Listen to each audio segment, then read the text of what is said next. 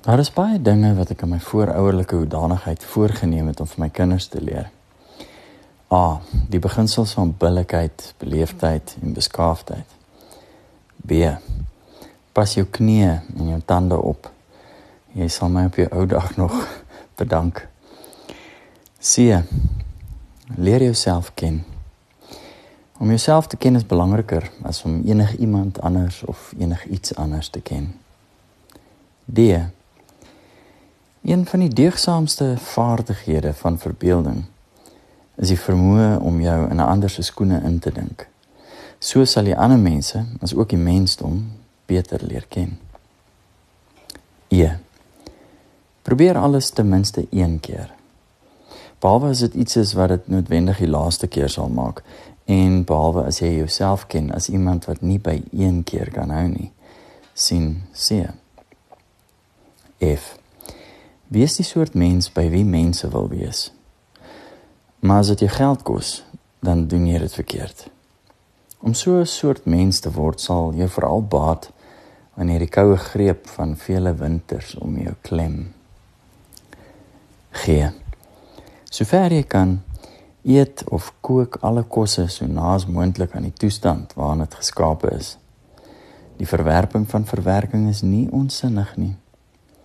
H ensovoorts. En met die uiteindelike verwesenliking van my eie werklike ouerskap, volstaan ek by beide bogenoemde en die ongenoemde. Maar dan is daar skool. Ek het skool as kind verpes. Die akademiese gedeelte daarvan was vir my aangenaam. Ek is van natuurlike uh leergierige bleeksiel maar my sosiale wanaangepasheid en gedagtespruite wat van kunsbeen af al neig tot die awe regse het van my 'n sosiale banneling gemaak wat veral die leed wat dit my in my jeug verskaf het my toebedeel het met selfingenome onafhanklikheid in my volwassenheid. Gegee die klein persentasie wat my jeugjare konstateer ten opsigte van my ganse lewe is die koel die sous gewees en smil ek selfs deesdae aan die nagereg daarvan Hoe gemaak egter met my kinders se skoling? My ek vermoed omstrede mening is dat skool 'n tronk is waar die aangehoudenes gerehabiliteer word om die beste rekenaars en robotte te word wat hul potensiaal kan toelaat.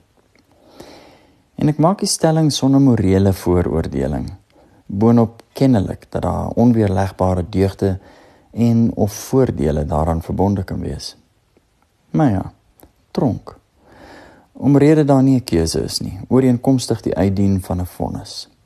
Daar word vir jou gesê hoe laat, waar, wanneer en selde waarom. Jy mag eet en ontlas wanneer daar vir jou gesê word jy mag. Rekenaar. Omdat jy dinge in jou geheue moet opslaan en moet kan herroep op bevel. Jy moet berekeninge kan uitvoer en vir al hierdie funksies is daar 'n beloning vir hoe na jy aan die effektiwiteit van 'n rekenaar kan funksioneer. En robot. Omdat daar doelwitte van handvaardigheid en meganistiese doeltreffendheid vir jou gestel word met dien ooreenkomstige prestasie-evaluering en gevolglike beloning. Nou, hierdie skoolstelsel het bewysbaar meestal die kulture wat hulle daaraan toegewy het met onontkenbare voordele bo diegene wat dit nie gedoen het nie toebedeel. Uit hierdie stelsel het meestal ekonomies welgestelde, demokratiese, hoë vertroue samelewings ontstaan waarin die burgers die gerief van funksionele infrastruktuur en relatiewe veiligheid beleef. Die afgelope dekade het egter toenemend en met 'n versnelling wat reeds besig is om die mense onkant te betrap, hierdie gevestigde orde omver begin werp. En dit is 'n plig van vaderskap dat ek my denke toespits op die aanpassing wat hierdie veranderinge vereis. Ek het onlangs 'n ChatGPT bevel ingevoer vir 'n opstel met 'n spesifieke tema.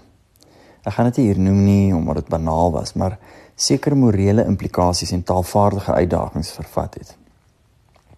Binne 30 sekondes het ek 'n 800 woorde opstel gehad wat ek na ongeveer 60% van my eie beste vermoë sou beraam.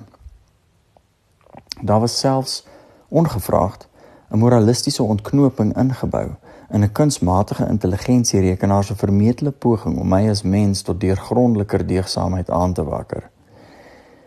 Ek kon natuurlik verdere instruksies gegee het om my opstel na my smaak en styl te verfyn en te verbeter, maar ek het genoeg gesien. In 'n daaropvolgende gesprek met leerkragte het ek verneem dat daar by sommige skole nou saam met kunsmatige intelligensiestelsels gewerk word en dat daar selfs op universiteitsvlak gepoog word om die uitdagings wat kunsmatige intelligensie vir die, tra die tradisionele opleidingsstelsels skep te bowe te kom. Wat eintlik hier gebeur, is dat rekenaars uiteindelik die rekenaaragtige vermoëns van mense nie net in spesifieke gevalle nie, Onthou ons in die 1980s na ons asems gesnak het toe Deep Blue vir Gary Kasparov geskaakmat het, maar in die algemeen oortref. Robotte is besig om oral in Amazon pakhuise mense te vervang. Hulle word nie moeg nie, hulle steel nie, hulle staak nie, maak byna nooit foute nie. Die dae van menslike handvaardigheid as die mees akkurate vervaardigingsstandaard is skynbaar getel. Die tronkmetafoor is skynbaar nog onafwendbaar. Belasting, boetes, verpligtinge en skedules staan sterk solank as wat ons met vlees en bloed in 'n wêreld van stoom en staal verkeer. Wat word dan die mens se waarde in 'n wêreld waar dit wat hom sy plek bo aan die voedselketting bewerkstellig het, sy berekening en sy vaardigheid deur rekenaars en robotte getroof word? Word die mens dan gereduseer tot 'n politieke stem en 'n kommersiële verbruiker? Dalk. Maar wat wel seker is, is dat die wêreld van opleiding geskit word, volkome herontwerp moet word en in sy huidige gedaante uitgedien is. Maar nou die goeie nuus. Die mooi hiervan is egter dat die klem sal verskuif van opleiding na opvoeding. Die aanvraag berus nie meer in hoe 'n doeltreffende robot of rekenaar jy kan skep nie. Die behoefte word nou die soort mens wat jy kan skep. Die uitdaging word met hoeveel uitnemendheid jy hierdie mensie van jou kan kweek in die gedaante van 'n liefdevolle, meelewende, geïnteresseerde, entoesiastiese, billike, beleefde, beskaafde persoon. En so word ons as mens in 'n tyd van geweldige beproewing in ons handel en wandel teruggelei na ons een autentieke onnabootsbare eienskap ons menslikheid. Ons opvoeding moet dan nou ook met erns daarop ingestel wees. Dus terug na die lysie. Ha ensovoorts